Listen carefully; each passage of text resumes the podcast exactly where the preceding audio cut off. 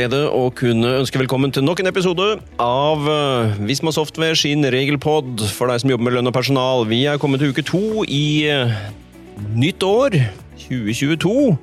Og i den sammenheng så er det selvsagt nytt år, og nye regler. Det er mye totall, i hvert fall. Mye totall. ja. jeg tenker vi starter opp, jeg, Ivar, knytta til litt nye, nye ting på lønn. Hvis vi begynner med reiseregulativene, der venter vi jo på en avklaring eh, i forhold til de. Er det skjedd noe der? Du sa vente på nye ting. Det gjør vi fortsatt. Eh, ikke noe eh, kom ut noen ting at det er noe enighet, så forhandlingene rusler vel og går, går enda. Og det betyr at de som har knytta seg opp mot å bruke særavtalene for reise i staten, da, også privatdrifter, de får da forholde seg til de gamle avtalene enn så lenge. Det betyr satsene og så videre for 2021? Hele avtalen er eh, dytta ja. videre inntil, eh, inntil, en ny avtale er klar. Ja. Hvordan blir det når disse forhandlingene er ferdige, da? Vet man noe om når de nye, den nye avtalen eventuelt gjelder fra? Uh, skal vi si bare sånn kort nei. uh, altså Det det er sagt, da, det er hvis man nå blir tidlig, altså blir ferdig nå tidlig i januar, så kan det hende at det har virkning fra 1. januar. Men jo, jo lenger tida nå går før de blir enige, jo mindre sannsynlighet er det for at det vil gjelde fra 1. januar. Eh, råtips, jeg har jo bomma før, kan godt hende jeg bommer nå, men skal vi si at nye satser og nye avtaler gjelder fra 1. mars? Som et råtips. Ja. Men per nå så er det uh, den gamle versjonen som, som ligger der, både satser og avtaler. En, gi oss en kjapp gjennomgang av satsene for uh, for diett og bilgodtgjørelse. Ja, så tar vi bilgodtgjørelse først, så er det jo ingen endringer. 350 for bilgodtgjørelse, kronepassasjertillegg, og for båt og sånn er det samme. Snøscooter 750 er det vel, hvis jeg ikke husker feil. Ehm, så der er det ingen endringer. Når det gjelder diettsatsene, nå snakker vi om de trekkfrie satsene. Mm. For de eh, justeres jo i utgangspunktet hvert år. Dagsatsene er ikke endra. Null til seks timer 200 kroner. Mm. Uh, diett uten overnatting over tolv timer 400, så det er som før. Men hotell? Hotell, ja. Overnattingssatsene, der er det endringer. Så hotell eh, økt fra 609 til 617. Pensjonat? Pensjonat fra 170 til 172. Og de som jo bor på hybel og brakke? Eller privat. Eller privat, ja. Eh, en hel krone opp, fra 94 til 95. Og så sier jeg bare, gjelder dette alle? Hva med pendlere? Uh, ja, ja og nei, for å si det sånn. Hvis du tar dietten først, da, så er det akkurat det samme, bortsett altså hotell og pensjonat. Så er det samme sats for pendlere, men pendlere de kan ikke få 95 trekkfritt når de bor på et sted hvor de kan lage mat. Ofte bor jo pendlere i hybel eller, eller leilighet. Ja. Men da er det kroner null, i motsetning til de som er på tjenestereise. Men her har vi en endring, for pendlere har vi ikke det når det gjelder uh, kilometersats. Det har vi. Uh, skal ikke ta det som har vært før, men da har det vært todelt. Uh, to forskjellige satser. Nå er det én sats. Det er 1 krone og 65 øre per kjørte kilometer for besøksreiser. Altså det er reise mellom pendlerbolig og skattemessig bosted. Og helt uavhengig av reiseavstand? Helt uavhengig av reiseavstand. 1 krone og 65 øre, øre per kilometer, uh, og ikke todelt. Men du må jo ha med at uh, den der 50 000 km-grensa er ikke der lenger. Mm. Uh, men det er jo en grense på 97 000 kroner, da. Så jeg har ikke regna på det, men da er vel vel opp igjen rundt 60 000 km. Og det ja. er mye til å pendle så mye. Ja. Men så veit du at jeg er jo veldig glad i Svalbard. Jeg har hørt at du elsket Svalbard. Oh, det var å ta i, men jeg er i hvert fall glad i Svalbard. Eh, der er det vel òg noe nytt? Vi får ta med oss det òg. Ja, sånn veldig kjapt så er det satser. Eh, da snakker vi om naturalytelser. og EK-tjeneste eh, e er samme som på fastlandet. Fri kost og losji er samme som på fastlandet. Alle de satsene finner dere jo i Community. Ja. Uh, firmabil på Svalbard høres litt rart ut, men der er det egne egen regler for firmabil. Og det er vel er det 2100 per måned som er fordelen, uavhengig av hva slags type bil du har. Ja. Så du får jo ikke kjørt så veldig langt på Svalbard, men det er jo veier der, da. Og har du fri, fri bil på Svalbard, så er altså fordelen per måned økt fra 2000 til 2100. Og så er det jo veldig mange som har øh, arbeidsgiverfinansiert bolig, mm. leilighet. Ja. Og da er det lagd en tabell, denne finner dere også på Community, og der er det satser uh, per måned. Verdien av uh, si, fri leilighet, fri bolig. Ja. Veldig bra. Så kan vi nevne det, da. I og med at du mhm. snakker om Svalbard, som du er så glad i. Så kan vi nevne at ferieloven gjelder på Svalbard fra 1.1.2022. Så har vi nevnt det om Svalbard òg. Så bra. Det er derfor han elsker Svalbard, vet du. Ekstra nå. Ja, ja. Ehm, Da skal vi legge bak oss det som på en måte knytter seg til, til reiseregulativer osv. satser, og så tenker jeg Men la oss ta med normrenta, da, Ivar. Her er det jo kommet noe for eh, for, for, for um, Mars og april. Mars april. april ja. Ja, skal hjelpe deg. Mars og april. Mm, Ja, den er vel økt. Det er økt, ja, og det er jo ikke så usannsynlig det når eh, styringsrenta går opp. Eh, Norges Bank satte jo opp den, så mm. nå er altså normrenta økt eh, fra 1,3, som den er nå i januar-februar, Mm. til 1,5% for mars-april. Eh, kjapt eh, to satser til gjelder arbeidsgiveravgift. Eh, utlending 1, utlending 2, som det også er kalt. Altså de som er utsendte fra USA og Canada. Mm. 7 arbeidsgiveravgift, akkurat som før, ingen endring. Og så er det noen utenlandske sjøfolk altså, eh, som kommer utenfra EØS-området, som jobber på NIS-registrerte skip, Mm. hvor det er en sats på 487 kroner per måned, som var 464 i fjor. Det er noen få som har det, men vi må ha det med. Veldig bra. Men det er jo én ting som eh, opptar ganske mange. Eh, Kjære sagfører Lønneid. Mm. Obligatorisk tjenestepensjon. Ja. uh, hva betyr liksom eh, fra første krone? ja. Pensjon fra første krone? Det er jo det er vel lest om både hytt og pine. Det er fra første krone, det. det. Dette er jo nye regler som nå har eh, trådt i kraft 1. januar i år. Mm. Eh, og så skal vi komme til det er en overgangsordning på det, men, men i utgangspunktet så er de trådt i kraft 1. januar i år. Og der eh, har man jo nå gjort endringer i minstekravet til 20% stilling, som eh, var gjeldende fram til nyttår for å være medlem av ordningen. Eh, og så sier man at man i tillegg tatt aldersgrensen for medlemskap og satt ned fra, fra 20 til 13 år. Altså på lik linje sånn som det er i folketrygdloven, egentlig. Mm. Eh, Så det er to endringer, og det betyr også at ansatte da får rett til medlemskap i pensjonsordningene våre nå, når inntekten overstiger grensene for det de kaller for rapporterpliktig lønn i A-ordningen, og den er jo per i dag 1000 kroner. Mm. Og Det betyr jo at langt flere får nå rett til pensjon fra første krone de opptjener og får utbetalt, Mm. enn hva det har vært før. Særlig viktig for de som kanskje har flere småstillinger i en virksomhet, og de som har det jobber deltid. Og i mange yrker, kvinner tenker jeg, som også på en måte nå vil få pensjon fra første krone i forhold til hva de har hatt før. Ta med én ting, for du sa oppgavegrense Ja. 1000 kroner. Ja. Lag, og foreninger.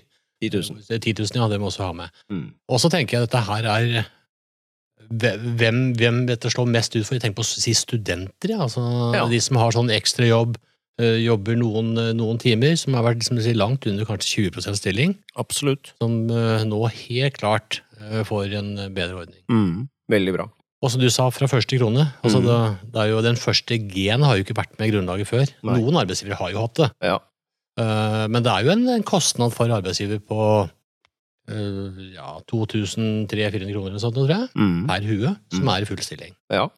Så jeg tenker at dette her vil jo være en del av uh, si lønnsforhandlingen, tenker jeg nå til våren. Mm. Så sa vi overgangsregler, Ivar. Vi, Ja. Det er jo trådt i kraft fra 1. januar, men uh, her er det vel en dato til som eh, er aktuell, 30. juni. Eh, og da er det sagt at uh, alle arbeidsgivere skal nå få tid til å eh, summere seg på hva som har skjedd, for dette her har jo blitt eh, Altså, det har jo vært eh, i fjor høst, det var snakk om at eh, dette skal vi prøve å få til, men det var ingen som trodde at det skulle bli nå fra 1. januar 2022. Eh, de fleste hadde nok regnet med at det kom i 2023 tidligst. Så da er det altså første halvår som du har som arbeidsgiver mulighet til å snu deg rundt og få lage en ny ordning. Eh, Og det vil ikke ha tilbakevirkende kraft. Det er fra når du da bestemmer at nå har vi gjort endringer, Mm. om de er fra 1. mai eller om det er fra 1. juni eller 1. april, Mm. seinest fra 1. juli. Mm. Så det vi sier nå, er vel at vi oppfordrer arbeidsgivere til å ta kontakt med sin forsikringsleverandør på dette her, og få ordnet de eh, på en måte, pensjonsordningene sine i tråd med dette her. Ja. Og da har man fram til 30. juni for å få det på plass, og da gjelder det fra det tidspunktet de iverksetter. Yes. Ikke Så er det ikke lenger det, Jeg kan nevne deg at det ikke er egne unntaksregler for sesongarbeidere òg. Det er det sikkert mange som kommer til å påvirkes av etter 30. juni, og i forbindelse med sommer og aktiviteter som foregår på den tiden der. Da. Så det er jo mange det kommer til å være relevant for som jobber, har den type bransjer òg, Mm. hvor eh, sesongarbeidere Om man har mange sesongarbeidere. Mm. Absolutt. Mm. Viktige endringer å få med seg. Så nå er det 13 år og tusenlappen eller 10 000 for lag og foreninger. Da Mm. skal det inn. Skal vi flytte oss til temaet omsorgspenger, tenker jeg, Monica. Her får vi jo en del spørsmål nå. Det er, vel fortsatt, det er jo fortsatt covid og midlertidige regler ute og går. Eh, og barns sykdom osv. Eh, er det kommet noen mer avklaringer nå fra 1.1 eh, fra departementet rundt den forskriften og hva som egentlig gjelder? Jeg tenker at det, Vi mangler fortsatt noe, men det er to ting som vi på en måte kan fremheve litt. da. Eh, det ene gjelder jo at noen har hatt en sånn oppfattelse av at det er to forskjellige kvoter egentlig, med omsorgspenger. At man har én kvote som egentlig tilhører disse, denne normalbruken da, av mm. omsorgspenger når barn, barnepasser er syke og lignende. Og så har man denne koronaregelen, hvis vi kan kalle den det, hvor man har muligheten til å få omsorgspenger hvis um, barn er i karantene eller fordi skoler og barnehage er helt til delvis stengt pga. korona, mm. eller hvor eh, foreldre må være hjemme med barn pga. særlig smittevernhensyn i hjemmet. Mm. Og så har jo spørsmålet vært liksom, hvordan skal vi telle disse dagene? Vi står hjemme tre dager med, eh, med omsorgspenger fordi barn har omgangssyken. Telles det i den samme kvoten som hvis du er hjemme tre dager hvis skole eller barnehage har vært stengt? Mm. Og her har det vært litt usikkerhet, da, men her har jo nå departementet kommet med en avklaring som jeg tenker er, er veldig viktig å ha kommet. At det er ikke separate regnskap. Eh, Arbeids- og inkluderingsdepartementet har bekrefta at først så må arbeidstakeren bruke opp den ordinære kvoten sin med omsorgspenger, før man eventuelt får ekstra dager med omsorgspenger. For det er jo det det går på. At hvis skole, barnehage, SFO eh, og lignende stenger, Eh, og man har brukt opp kvoten sin med omsorgspenger, så ville man kunne få flere dager allikevel. Slik at man har muligheten til å være hjemme med omsorgspenger pga. dette koronapandemien. Og at man stenger skoler og barnehager eller reduserer åpningstider pga. det. Mm. Eh, og usikkerheten har lagt i altså må man bruke opp hele denne vanlige kvoten sin først. Hva skjer da senere på året, da? Hvis det er mye stenging nå i starten når det er veldig høyt smittetrykk. Mm. Hva skjer etter hvert, eh, hvis man har behov for å være hjemme med barn pga. omgangssyken eller lignende. For disse ekstra dagene man har muligheten til å få, de knytter seg jo bare til helt eller delvis stenging av skoler og barnehager i forbindelse med koronapandemien. Mm. Så det knytter seg jo ikke til øvrige tilfeller. Det er jo en grei presisering å få på plass, da, at man først bruker de vanlige måte, kvotene man har. Ja. Og så er det ikke noe tak i antall dager så lenge dette er snakk om eh, de særskilte tilfellene knyttet til covid. Da har man vel rett til fri så, og, og, omsorgspenger så, så, lenge det er et behov.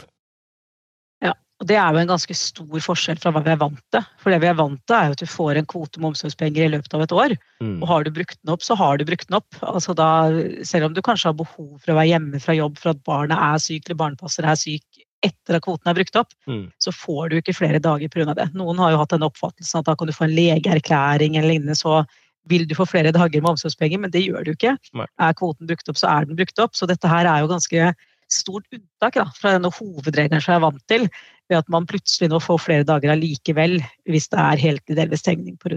Eh, koronapandemien. Mm. Så det er, en, det er en ganske viktig avklaring. Jeg tenker Vi må jo kunne være såpass freidige og si at vi vet jo ikke hva som skjer i løpet av året. da. Eh, det kan jo være hvis det plutselig inntreffer nå at det er massestenging av skoler og barnehager, og man ser at foreldrene bruker opp dager pga. det, mm. så kan det jo være at de gjør noen endringer, men her må man rett og slett bare følge med, for her skjer det jo såpass mye. Vi legger vel ut på Community til løpende så fort det er noen ja. endringer eh, som man da kan under lønn- og HR-området der, som man kan holde seg à jour på. Men jeg har et spørsmål til, ja. Monica, i denne sammenheng, og det er jo den type fravær som det her er snakk om, det skal jo også dokumenteres. Og her kunne vi jo i fjor, i hele 2021, så kunne, vi, kunne vi benytte egenmelding for alt fravær der man hadde rett på omsorgspenger. Men gjelder det enda? Ja. Eh, når det gjelder omsorgspenger, og presisere det, det gjelder ikke sykepenger, det her gjelder omsorgspenger, eh, så er det slik at verken Nav eller arbeidsgiver kan kreve legeerklæring på fjerde fraværsdag, slik som jeg vant til. Her er det egenmelding som er på en måte en gyldig dokumentasjon i 2022. Mulig at det også forlenges, men det vet vi ikke ennå, så foreløpig så får vi forholde oss til, til den datoen der, da. Mm. Eh, så venter vi også på dette her at de har uttalt at de skal doble omsorgspengene i 2022, på samme måte som de gjorde i 2021. Mm. Men det er ikke vedtatt enda, eh, så her må vi bare følge med og se når det blir vedtatt. Og da vil vi som sagt legge ut en oppdatering på community når vi vet, eh, når vi vet mer her. Mm. Den, eh, den, endringen krever jo en budsjettvedtak i Stortinget, så det er vel det vi sitter og venter på der, før den eventuelt kommer. Men det, det legger vi ut så fort det kommer. Er Det er i komiteen nå, til behandling. Ja. Og så er det greit å nevne at det er jo én situasjon fortsatt da, hvor legeerklæring er aktuelt. Og det er jo hvis um, det er særlig smittevernhensyn, enten hos barnet eller hos familiemedlem som barnet bor med, og at barnet av den grunn holdes hjemme fra skole, barnehage og lignende, da må slik særlig smittevernhensyn det skal bekreftes av lege.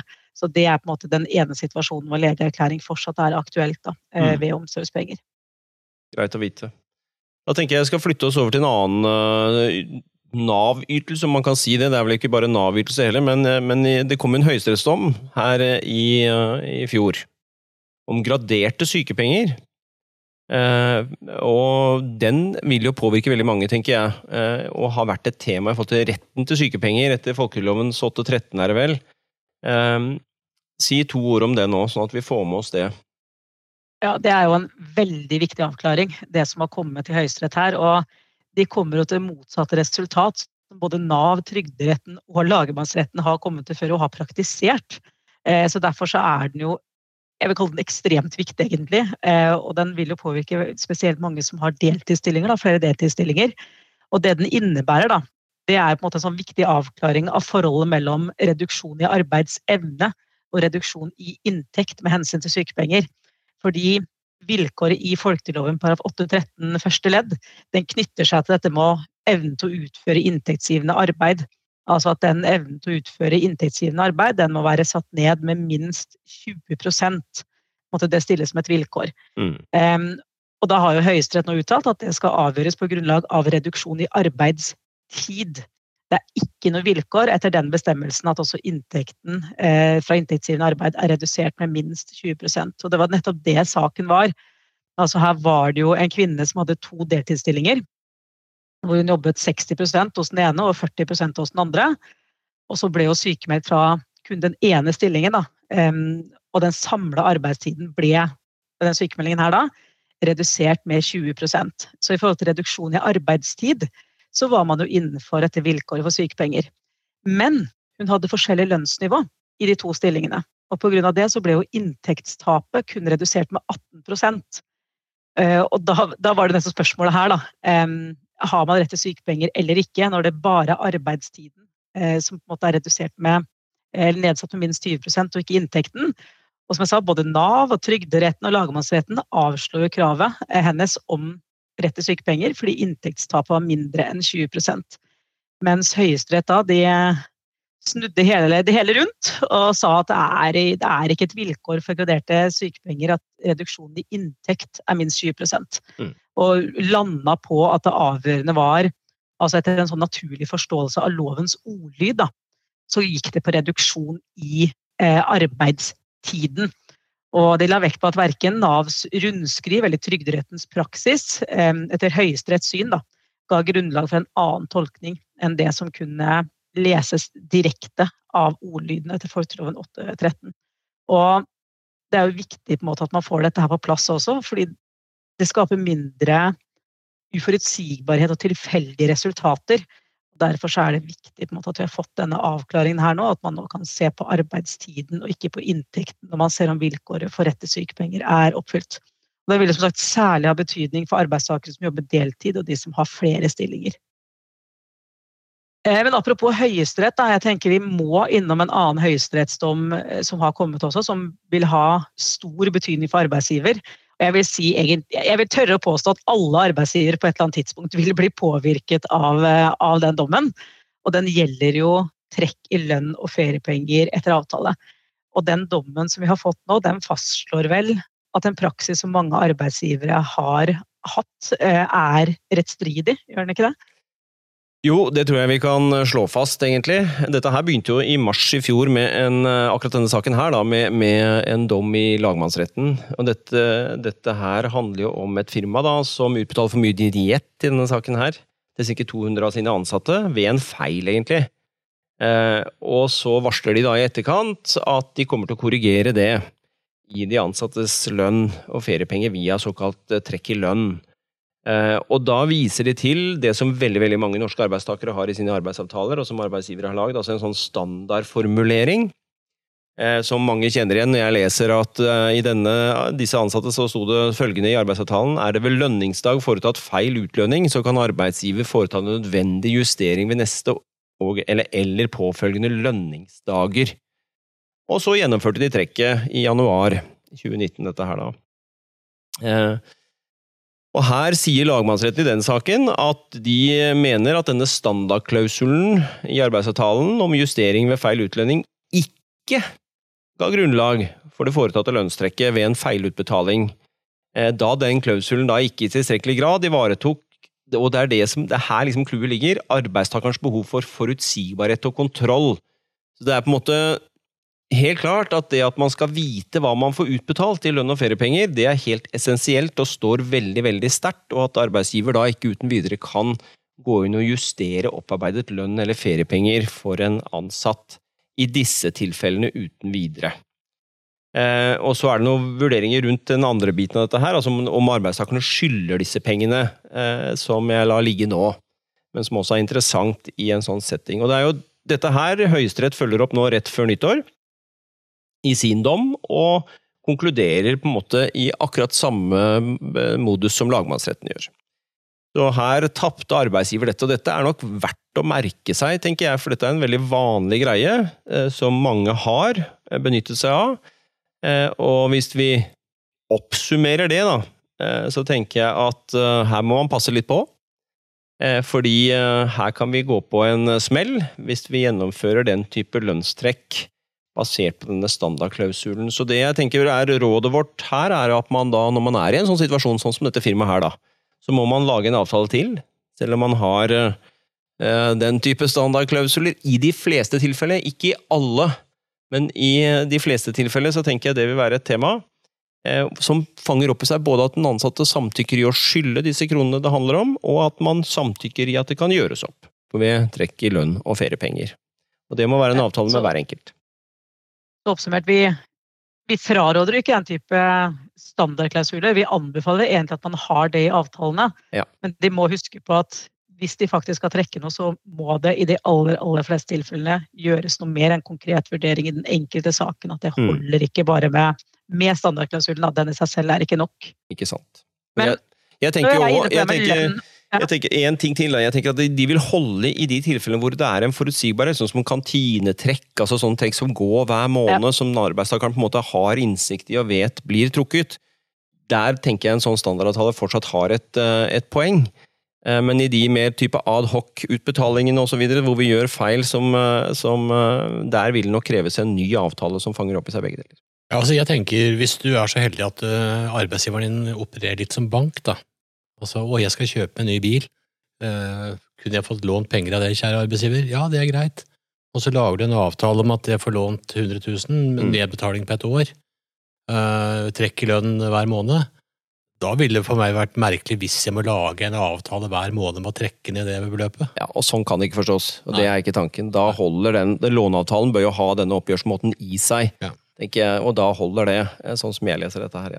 For det er hele nøkkelen som du starta med, da, og det er jo at du skal ha en forutsigbarhet på hva du får utbetalt. Yes. Og det vil du ha i et sånt tilfelle. Det er der det ligger. Og Når vi ser på det her med lønn og lønnstrekk, da, så har det jo kommet nye regler om lønnstyveri også nå eh, fra i år. Og det kan vi gjøre sånn jeg har sett tidligere. Ja, det, det, er helt riktig det du sier, og jeg tenker at uh, Det har falt lyden litt grann ut, så jeg lurer på om du skal bråsmelle til en uh, runde til, Monica? Skal vi prøve på det? Ja. ja jeg sa at Siden vi er inne på det her med lønn og lønnstrekk, da. Vi har jo fått nye regler om lønnstyveri nå fra 2022. Og, og det kan vel være med på å gjøre et sånt uberettiga lønnstrekk mye mer alvorlig for arbeidsgiver enn kanskje hva som var realiteten før. Det har òg helt rett i. og det er klart Dette er regler som arbeidsgivere òg må merke seg nå. fordi at Vi har fått to regler i straffeloven, 395 og 396, som handler om lønnstyveri og såkalt grovt lønnstyveri, som gjelder fra 1.1 i år. Uh, og de retter seg jo mot arbeidsgiver, uh, så sånn sett så er jo det en issue. Og lønnstyveri er jo da typisk situasjoner hvor man som arbeidsgiver på en eller annen måte skal berike seg selv da, på, på arbeid, arbeidstakers lønn eller feriepenger eller annen godtgjørelse. Um, og så har man sanksjonert det med en del straffesanksjoner som er ganske alvorlige, for man opererer med, med fengselsstraff i verste fall opp mot arbeidsgiver. Eh, avhengig av eh, om det er såkalt eh, grovt eller vanlig lønnstyveri man snakker om her. Så, så det, det, er jo fengselsramme på to års fengsel, eh, og for grovt lønnstyveri så kan man altså risikere på å gå på en seks års eh, fengsel. Maksimum. maksimum. Eh, så det er Nei, ja. Seks år er brutalt, altså. Ja. Men det er jo greit å påpeke at det de sier med det her, er jo ikke at du ikke du har krav på å få pengene tilbake. Det er altså det, man avskjæres jo ikke fra det å få rett til å få en feilutbetaling f.eks. tilbake. Det det handler om, er jo måten du gjør det på. Hvordan skal man eventuelt få et beløp tilbake som arbeidsgiveren har krav på. Det er jo der, for Vi har jo fått en del spørsmål på det. Sånn, betyr dette her at vi ikke har rett da, som arbeidsgiver nå å få tilbake beløpet hvis arbeidsgiver ikke er enig, f.eks. Hvis ikke de vil inngå en avtale. Mm. Og, og det er jo ikke det det handler om. Arbeidsgiver kan jo fortsatt ha krav på å få beløpet som er feilutbetalt, hvis vi tar det som et eksempel, da, Mm. tilbake. Det er bare at man kan ikke nødvendigvis gjøre det via trekke lønn og feriepenger, hvis ikke man får en samtykke ved en avtale. Helt riktig, og det er jo en typisk setting som kan komme inn under disse reglene i verste fall. Så, så lønnstyverreglene går jo både på der man bryter på en måte lovhjemlede krav, sånn som eh, overtidstillegget på 40% for eksempel etter arbeidstidskapitlet. Hvis man unnlater å utbetale det, så vil det falle under disse bestemmelsene, og man kan rammes av den biten. Det går også på der det er avtalebaserte forpliktelser man bryter. eh, Både individuell avtale med den enkelte og i tariffverden eh, så vil dette være aktuelt. og Det kan jo handle om at man ikke utbetaler lønn og feriepenger helt eller delvis i det hele tatt til arbeidstakere. Eh, dette overtidsgreiene nevnte jeg. Du kan ha dette med annen godtgjøring, som også står som et begrep i, i disse bestemmelsene her. Så tenker man på hvis du bryter det du har forplikta deg til i form av ja, naturalytelser, eh, forskjellige former for lønnstillegg, ulempetillegg eller utgiftsdekning er eksempler som trekkes fram. Så det, det treffer jo arbeidsgivere på veldig, veldig mange områder. Eh, som eh, gjør at jeg tenker dette må vi være litt obs på, for nå er sanksjonene der vi på en måte eh, beriker oss på de ansattes lønn og feriepenger, ja, de er blitt betydelig skjerpet, tenker jeg, i forhold til hva i en del tilfeller hva det har vært tidligere. Så trekker de også grensene på det, da. At det er ikke grunnlag for straff hvis arbeidsgiverne har en berettiget grunn til å ikke betale. F.eks. hvis arbeidstaker ikke har møtt opp på jobb Mm. og ikke har utført arbeidet som han skal, så vil jo ikke vilkåret om at arbeidstakeren skal ha rett til en lønnsutbetaling være oppfylt. Og i den type situasjon så vil det jo ikke være, være aktuelt. og Det er også greit å ha med seg. Ja da, og det er et ganske skjerpa så Det man vil, er jo å komme til livs dette med arbeidslivskriminalitet, der arbeidsgiver bevisst eller forsettlig da, på en måte gjør det, disse tingene her. Så, så, så det er en, det er et bra sånn straffesanksjonsnivå før det slår inn, men, men allikevel.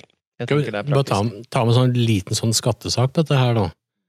Fordi eh, hvis du har betalt ut for mye og skal ha tilbake igjen, så er vi nå enige om at eh, her må det være noen avtaler ute og går. Eh, Og det betyr jo hva da i forhold til si reduksjon av AGA-grunnlaget. Mm. Og da står det helt klart at enten så må du fysisk være tilbakebetalt, eller så må det være inngått en skriftlig avtale om tilbakebetaling før du kan redusere AGA-grunnlaget. Mm. Altså vi har med den litt skattemessige biten her òg. Mm. Spennende regler. Vi skal følge med. Jeg så det kom en dom i fjor høst også som på en måte viste disse reglene, selv om de ikke da, de var jo da vedtatt, men de var jo ikke trådt i kraft. Eh, Så her eh, skal vi følge med litt og se hva som dukker opp rundt dette her. Eh, Så jeg tenker Det er også en link over mot arbeidsgivere og den softwaren man bruker. og Pass på at man nå sitter på lønnssystemer og andre systemer som håndterer ting riktig i forhold til de reglene som gjelder der ute. Som man nå skal være ganske bevisst på. Så spennende greier dette her. Mye nytt. Det var vel det vi hadde på, på lappen vår i eh, denne episoden. Eh, og så legger vi ut løpende på Community som alltid, eh, og på bloggen vår med nye ting og faglige, faglige nye regler som dukker opp. Så det er bare å følge med der. Ellers er vi tilbake igjen med en ny pod, nye aktuelle temaer om eh, 14 dager. Og med det så har jeg i dag hatt med meg eh, Ivar Grøndal i studio, Monica Bremtun Olavsen og den som styrer lyd og bilde, som sitter da I andre enden her, det er jo som alltid Vegard Øftås. Yay! Jeg tenkte du skulle lure meg ut på nå Ja, Der var den. Ja. Da da, fikk, da fikk dere høre stemmen til Vegard òg. Jeg tror vi kjører musikk, jeg. ja, det er i orden. Takk for nå. Så høres vi.